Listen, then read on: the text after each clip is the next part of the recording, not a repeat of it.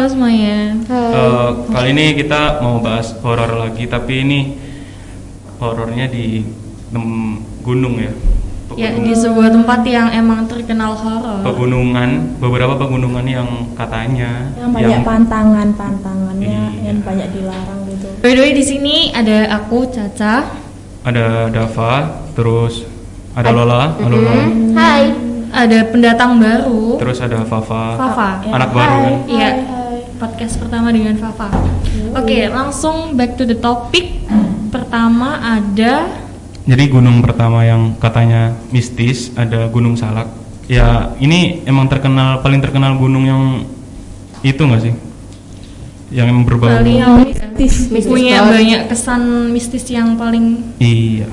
terkenal. Gunung Salak itu di kawasan Sukabumi, kayak di di kawasan Sukabumi, Bogor, Jawa Barat. Terus Gunung Salak punya banyak kisah mistis yang masih belum bisa dipecahkan sama orang-orang. Namun di sana juga terdapat banyak makam, terus tercatat beberapa kecelakaan juga. Kecelakaan di sini kayak ya pendaki-pendaki kali ya.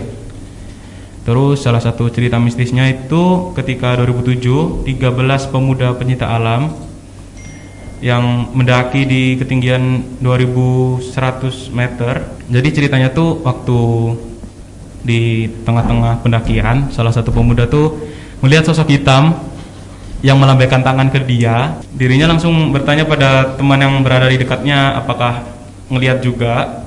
Terus temennya tuh eh, katanya nggak lihat, terus minta untuk biarin aja lah sosoknya gitu. Mungkin kayak salah lihat doang. Terus kayak udah menjelang malam, cuacanya nggak mendukung. Akhirnya mereka tuh bangun bangun tenda, bangun kemah gitu. Ketika udah udah kebangun tendanya, pemuda yang ngelihat sosok hitam tadi tuh nggak bisa tidur kan? Ya pasti nggak bisa tidur kan, bete juga. Jadi nggak bisa tidur, perasaannya nggak nyaman. Terus dia akhirnya eh, melek kan, kayak begadang gitu. Terus memutuskan untuk keluar tenda. Ya iya kan gabut juga di dalam tenda terus. Terus nggak disangka di luar tenda tuh udah ada sejumlah pasukan berseragam tentara berwajah ngeri ngeri ngeri ngeri banget. Mampus. berseragam tentara berwajah pucat mengelilingi tan Tenda. mengelilingi tenda mereka. Terus ya pasti takut dong. Pasti. Dalam kondisi ketakutan ya kayak speechless, nggak nggak bisa berbuat apa-apa. kayak lestak gitu Iya pasti sih. Oh, ya. Terus terlebih lagi tiba-tiba ada ketambahan lagi seekor macan menatapnya dengan mata bersinar di antara barisan tentara-tentara itu. Mampus. Namun tak lama kemudian terdengar suara lantunan ayat-ayat doa gitu dari bukit yang di atas. Suara tersebut berasal dari seorang wanita, kedengarannya kayak wanita katanya. Terus eh even dia nggak ngelihat wanita itu siapa, dia pun pelan-pelan mampu masuk ke dalam tendanya lagi. Terus ya udah tidur gara-gara ada lantunan doa itu yang dari nggak tahu siapa. Oke, Hmm, ini menarik. terjadi pada 2007. 2007. Cukup lama sih, tapi ya gimana ya Serem banget ya. banget sih. Apalagi kan tempatnya di gunung ya. Mm-mm. ya kan di gunung banyak banyak hal-hal mistis yang belum kita tahuan Jadi ini eh, kayak sosok-sosoknya itu cuman sosok hitam, pasukan tentara sama macan. Macan, oke. Tapi yang pasukan tentara itu ngeri sih. Maksudnya kalau uh, sosok hitam kan mungkin bisa aja halu kita karena kita capek atau gimana. Ya mungkin juga kayak salah lihat gitu iya kan. sih. Tapi kalau pasukan berseragam tentara ini, Udah mulai ngaco. iya udah mulai uh, nggak masuk. real? Nggak masuk akal sih. nggak masuk otak please Te- terus kalau misalkan kalau misalkan ini pengalaman pribadi orang tuh kayak jadi susah. Kalau masalah eh, apa sih kalau misalkan pengalaman pribadi itu kan kayak yang ngalamin cuma dia doang. Jadi bisa kemungkinan halusinasi dia doang. Jadi ceritanya tuh ya susah di apa ya? Takutnya nggak ada nggak ada validasi dari orang lain juga jadi takutnya halusinasi doang terus dari kalian gimana menurut kalian ini kayak real atau emang cerita buat nakut-nakutin doang Hmm, kalau aku sih kayaknya eh, karena cuma dia aja yang ngelihat jadi belum ada bukti yang kuat sih kecuali waktu dia tanya temennya juga lihat atau Ngerasain dia- gitu kan. iya ngerasain Nanti bisa sama- dipercaya gitu. Tapi kalau menurutku buat di gunung, sebuah gunung tempat yang emang eh, punya banyak mistis, hal ini bisa aja terjadi sih. Iya sih pasti aku sih bisa percaya soalnya emang Gunung Salak ini terkenal kalau mistis gitu. Tadi kan juga katanya ada harimau ya. Macan, Mungkin, oh, macan. macan. Nah, macan tuh biasanya ada jelmaan-jelmaan gitu, terus Katanya. Katanya. ya kan ya kan, ya, ya Tapi itulah. kalau macan aku malah takutnya hewan buas beneran nggak sih? Heeh. Iya. Siapa tahu ada babi hutan gitu. Aduh. Tapi katanya macannya juga hilang se itu sih barengan Seketika sama gitu. hilangan barengan sama itu Tentara. yang kayak ayat doa tadi loh. Oh, Oh. Oke. Tapi tadi aku masih kepo sama yang wanita eh, Iya, siapa ngebacain ya? doa itu ya. Iya, siapa ya itu ya? Tapi berkat cewek itu langsung bisa tidur lagi, Iya. bisa nggak ada apa-apa lagi. Semoga aja manusia ya. Mm-mm, beneran, masuk manusia Semoga beneran. manusia. Siapa tahu juru kunci gunungnya kan nggak tahu. Iya. Terus yang kedua ada gunung apa? Next. Oke, yang kedua Siapa yang mau baca? ada Gunung Sumbing. Oh ya.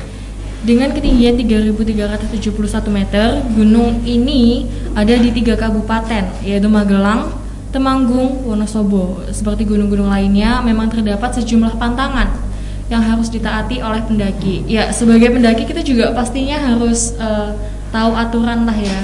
Harus tahu apa sih basicnya lah. Iya, Nggak boleh sama nggak bo- nggak boleh sama bolehnya yang dilakuin di sana tuh harus tahu. Ya, nah salah satunya untuk di Gunung Sumbing ini adalah tidak boleh naik gunung dalam keadaan ganjil. Maksudnya Bertiga nggak boleh, harus genap-genap nggak empat boleh, nggak empat. boleh sendirian. Empat, enam. Oh, iya itu apakah pantangan? Pantangan dari Iya gunung? salah satu Iya, salah pantangan satu pantangan. Gunung Sumbing Iya, iya. katanya. Tapi biasanya di gunung-gunung juga ada pantangannya sendiri ya. Iya, Setiap iya, pasti gunung pasti. Iya. Namun kumpulan mahasiswa pecinta alam, oh ini mahasiswa, tidak menggubris dan tetap berangkat 11 orang, ganjil. Wah, 11 nantangin orang. nih. Jadi mereka mau naik gunung, pas udah di seperempat jalan, personil mereka bertambah satu. Jadi 12. Kayak digenapin sama yang punya gunung sih? Iya. Wah, Kayak udah dibilangin ngeri tuh ngeri ngeri ngeri ngeri. jangan 11 orang. Terus Eh gimana? malah dilanjutin. Terus Iya. maksudnya Nah. digenapin itu gimana? Ya mungkin sama sosok salah Itu satu sosok sosok ya. itu. Ya udah terus gimana? Jadi salah satu pendaki wanita yang punya eh, indera keenam atau kelebihan khusus Ya. itu udah sadar meskipun dia nggak gubris dan tetap melanjutin perjalanan eh, pendakiannya itu selesai eh, sampai di puncak anggota ke-12 itu udah nggak ada jadi eh, mereka ber- mereka balik bersebelas waktu udah istirahat penampakan yang tidak enak pun datang lagi ini agak eh, apa ya Ngeri setannya ngeri Indonesia juga. banget Ya, ada yang- poci atau pocong Aduh. Ngocok. yang muncul di antara mereka dan lagi duduk Eh, mengelilingi, bayangin, bayangin. mengelilingi api unggun. Jadi mereka Bayangin deh, bayangin kalian di situ gitu. enggak, jadi tuh buat, buat api unggun kan, gelap. Cuman Iya, sumber cahaya tuh cuma di api api unggun. doang. Kayak tiba-tiba ada personil, please. Kelihatan putih gitu. Please, please merinding please. Oh, please. Ya udah terus terus gimana? Lanjut lanjut. Nah, waktu ada si poci itu ada empat orang itu yang sadar. Jadi dari kesebelasan, eh, kesebelasan. Dari sebelah ke sebelah orang, Sebelas orang itu. itu ada empat anak yang sadar kalau misalkan ada si poci. Oh jadi ini nggak cuma sendirian yang lihat, ada Iya, empat empat orang tuh anak. emang jadi punya iya. bukti ya. Salah satunya adalah pendaki yang tadi aku bilang dia punya six sense atau indera keenam. Dia eh, yang punya indera keenam itu sengaja sebenarnya ngajak teman-temannya untuk berdoa dengan alasan mengucap rasa syukur sudah sampai di puncak. Hmm. Bener sih kalau menurutku harus langsung doa. Selesainya berdoa, poci atau pocong itu hilang dan mereka bisa istirahat sebelum turun keesokan harinya. Tapi ada tapinya, kejadian mistis kembali terjadi ketika turun gunung. Tadi kan waktu naik sama di puncak, sekarang turunnya. Sesosok pocong mengikuti dan mengawasi lagi. Pocong, Pocong yang lagi. sama kayaknya. Ya, ya eh. Terus Aduh. Tapi tetap gak digubris. Tapi tiba-tiba ada satu pendaki yang memiliki indera keenam tadi, cewek tadi itu ngelihat sebuah pintu gede banget di dekat lereng gunung, dekat posko. tiba-tiba ada pintu. Iya, pintu gede kan nggak masuk akal kan di gunung ada Iya pintu gede. juga sih. Terus Nah, pintu itu tuh tinggi banget dan indah. ada juga penjaga dan sesosok wanita yang manggil-manggil pendaki itu. Jadi Oh. si cewek ini kelihatan pintu, terus ada penjaga-penjaga sama satu wanita. Kayak istana gitu gak sih? Mungkin ya. Mungkin, pintu. Pintu gerbang gitu. Dan panggilan itu ternyata didengar oleh ke-11 pendaki lainnya. Eh, Wah. ke-10 pendaki lainnya. Jadi 11 orang itu ngeli Iya. eh, dengerin juga. Terus Jadi mereka eh, nggak ngubris lagi dan langsung jalan. untungnya mereka nggak nyamperin ya. Iya. Ya sih. Mungkin ada hal lain ya kalau misalkan mereka nyamperin itu tadi. Terus juga si si cewek yang punya indra keenam tuh kayak bikin suasananya nggak terlalu itu soalnya waktu nyuruh doa tuh alasannya dengan alasan ya rasa, Rasa syukur, syukur, aja, nggak iya. bilang kalau ada apa-apa gitu. atau gitu. Ih, Jadi teman-temannya tuh nggak jadi panik gitu. Iya sih, tapi kalau menurutku ini lebih make sense sih. Lebih Maksudnya kan masuk ada akal. 11 orang yang Iya mereka ngerasain juga iya kesebelasannya semua. bisa dipercaya gitu. Iya sih, kalau aku sih ya mau dipercaya bisa, nggak nggak percaya bisa. Kalau bagi kalian ini mitos atau fakta? Itu Eh, terserah kalian sendiri. Iya Ya, itu depends on ourselves sih. Terus next ada Gunung Gede. Siapa yang mau baca? Aku ya. Oke. Ya udah Lola. Yang ketiga ada Gunung Gede. Berada dalam kawasan Taman Nasional Gede Pangrango, tempatnya di antara tiga kabupaten, di Bogor, Cianjur, sama Sukabumi. Tingginya mencapai 2.958 meter. Gunung satu ini juga meninggalkan kisah mistis. Salah satunya tentang penunggu Gunung Gede yang merasuki tubuh salah satu pendaki. Wow. Siang itu, eh ceritanya gini. Siang itu sekumpulan pendaki remaja menaiki gunung tersebut bersama beberapa pemandu. Hal tersebut dilakukan demi keamanan. Menjelang sampai ke puncak, rombongan tersebut beristirahat. Namun, salah satu pendaki melakukan tindakan yang tidak sopan. Dirinya buang air kecil sembarangan tanpa permisi terlebih dahulu. Kalau itu jelas pantangan sih nggak boleh. Iya, kan nggak sopan banget ya. Iya. Setelah kencing sembarangan, pandangannya langsung kabur. Dia langsung dia langsung melihat sosok pria dengan pakaian kerajaan sambil membawa keris. Keris. What? Jadi tuh dia habis habis buang air sembarangan, Ha-ha. terus pandangannya kabur gitu. terus tiba-tiba Oh, kayak blur gitu Ha-ha, ya. terus pada itu Oke. kayak langsung natap lihat ada orang pakai baju kerajaan sambil bawa pria ya, keris. cowok Ha-ha, pria. Iya, cowok. Di sisinya terdapat dua ekor macan yang mengerang. macan lagi. wah, Loh, ini nggak loh. nggak mungkin sih kalau manusia. Iya sih, pastilah ya. Terus? Sosok tersebut dipercaya sebagai penunggu yang marah akibat tindakan tidak sopan pendaki ini. Dia pun kesurupan, kemudian dari perspektif teman-temannya, pendaki itu mengerang dengan nafas berat dan berlari-larian naik dan turun tanjakan itu. Teman-temannya yang kebingungan pun hanya bisa ikut berteriak histeris, sementara pemandu dan beberapa pendaki lain berusaha menenangkannya. Dalam pandangannya, dia seperti di bawah ke sebuah era yang penuh dengan orang-orang zaman kerajaan. Oke, zaman kerajaan kayak mungkin kayak zaman Majapahit gitu. Iya, ya. gitu-gitu mungkin Kalau ya. kalau feelingku sih kayak masuk ke alam jin gak sih? Iya, Iya, alam beda gitu. Udah Iya, masuk ke iya. dimensi lain. Heeh. Dia kayak meranin si sosok tadi. Iya. Heeh, bisa aja, bisa aja. Dia kemudian merasa seperti ditarik menjauh dari kerajaan, kemudian Tuh, mulai kan. sadarkan diri. Hmm. Saat sadar, dia kembali melihat sosok penunggu tersebut dalam keadaan marah bersama dua ekor macan tadi. Dia sadar dalam kondisi badannya sudah dibaringkan di posko terdekat. Raut wajah teman-temannya dan pemandu sudah khawatir. Tidak sampai di situ, keesokan harinya saat turun, dia melewati posko yang sama ketika kesurupan dan seperti mendengar bisikan dalam bahasa Jawa diiringi oleh erangan geram harimau. Dia pun bergegas dengan mengucapkan doa dan berangkat dari posko itu untuk turun. Oke, gila sih kalau ini menurutku ya. Astagfirullah. Karena itu dia kesurupannya gila sih sampai Iya, karena dia kesurupan. ditarik loh Kalau menurutku mungkin bisa jadi benar. Iya Karena kan eh, sampai penjaga gunungnya juga juga Marah ikut loh. Turun tangan juga Heeh. buat eh, nyadarin dia. buat kalian-kalian juga gak boleh ya buang kayak ngelakuin itu Iya. tadi nggak sopan banget Jangan sompral, apalagi bukan tempat kalian. Heeh. Oke. Kalau bisa kalau tahu ke tempat alam yang bukan milik kita dijaga sikapnya gitu kayak Betul. jangan sembarangan kayak tadi kencing sembarangan nggak izin kan pasti ada pemiliknya gitu Ya harus Tahu sendiri kon- apa konsekuensinya kayak gimana. Kesurupan kayak gini tadi gimana juga. ya semua tempat ada penunggunya lah. Iya. Heeh. Haruslah kita punya eh, pertanggongjawaban atas segala yang kita lakukan. Betul.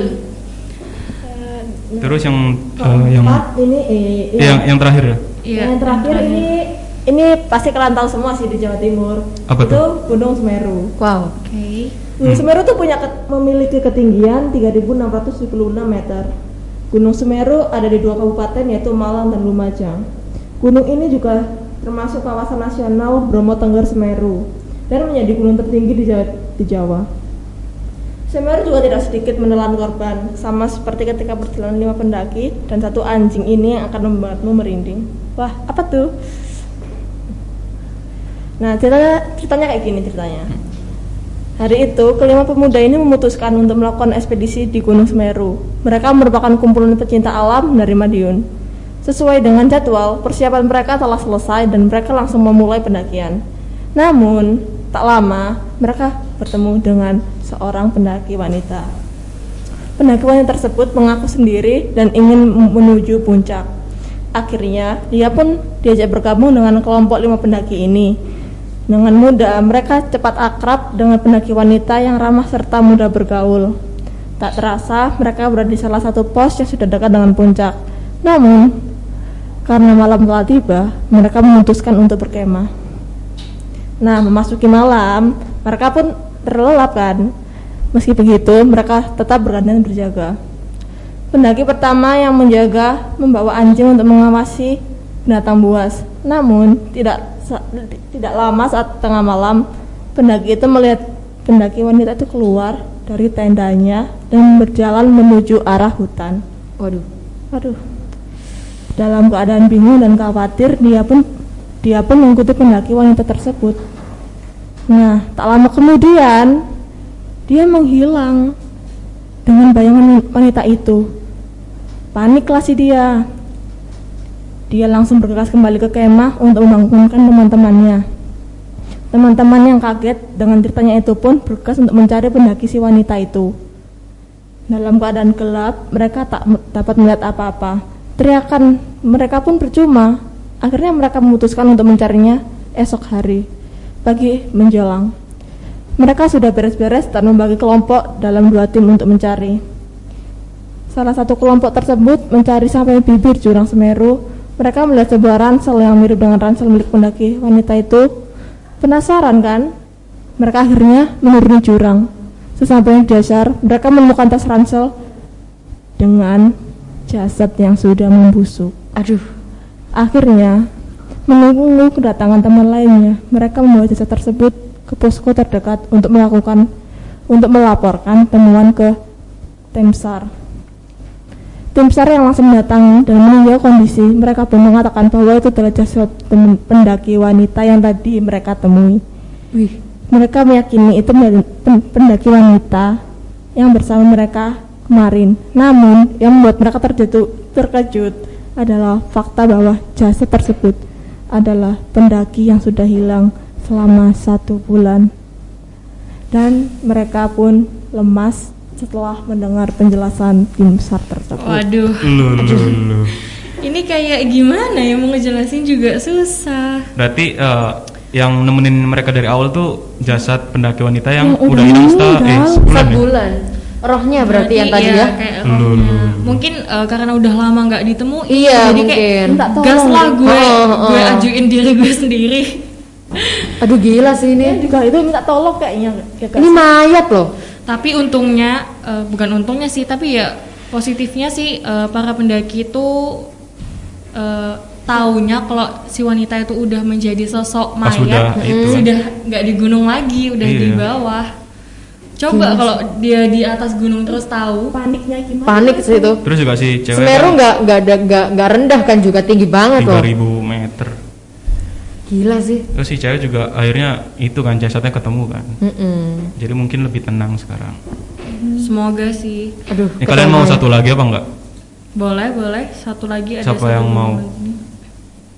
Apa tuh? Oh iya, kalau kalian punya pengalaman cerita horor, boleh nanti eh, cerita-cerita juga dengan kita gitu. Iya, bisa kontak kita Yang ntar. suka-suka daki-daki, anak daki, itu kan pasti punya cerita-cerita pengalaman sendiri. Ya gitu sebenarnya nggak kan. nggak nggak harus di gunung sih. Iya sih. Terserah di mana aja ntar kita bacain. Iya, pasti sih kalau kita baca ini pasti. Kita juga bakalan ngasih opini kita.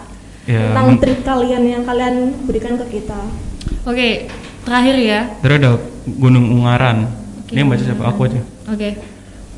Eh, Gunung Ungaran ini di Kabupaten Semarang. Gunung Ungaran yang punya ketinggian 2000 meter. Gunung Ungaran ini eh, bisa dilihat pengendara yang biasanya ke arah selatan Semarang tuh bakal kelihatan sama gunung ini biasanya. Terus Gunung Ungaran yang juga banyak misterinya dari penunggu sampai kejadian kejadian mistis tuh banyak banget. Salah satunya ketika seorang pendaki tanpa sengaja bertemu penunggu salah satu jalur perbukitan. Gimana ceritanya?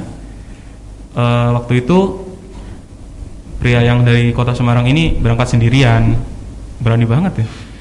Mendekati lokasi pendakian, dia mulai merasa nggak nyaman nih, kayak ada yang ganjel gitu. Namun tetap aja digas gitu kan. Terus dia tuh berangkatnya pukul 15 jam 3 sore. Eh, terus pria itu kesulitan karena ya treknya tuh kayak medan yang jalan buat pendakiannya tuh terasa lebih berat kayak biasanya. Terus sampai di tengah hutan udah ada lapangan luas gitu. Terus ya udah dia kayak buat istirahat aja tempatnya gitu kan tempat luas jadi dia eh, memutuskan untuk istirahat. Terus sudah malam singkat cerita dia memutuskan buat bangun tenda berkemah gitu di sana. Setelah setelah tendanya setelah tenda dan api unggunnya siap tuh terus tiba-tiba suasananya tuh hening gitu. Padahal awalnya tuh berisik kayak suara suara angin terus suara hewan gitu. Tiba-tiba tuh hening aja.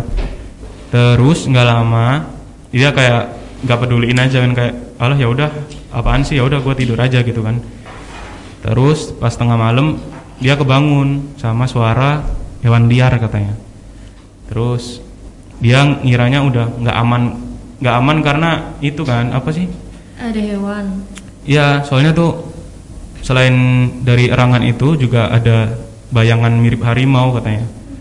Terus nggak lama bayangan sama suaranya itu hilang. Terus dia memutuskan untuk melihat sekitar kayak keluar dari tenda dikit kan nggak disangka tiba-tiba ada sosok hitam besar katanya sosok hitam besar di depan tendanya Anjir, panik parah sih. Tepat di samping sosok itu ada macan kumbang yang hitam gelap tapi matanya bersinar hijau. Mampus. Melihat itu pun pendaki itu mulai baca-baca doa kan. Oh. Dia merem, memejamkan mata terus seolah-olah ada ada tawa nih suara ketawa gitu dari sosok hitam kan. Seperti ada suara teriakan dari hutan-hutan juga.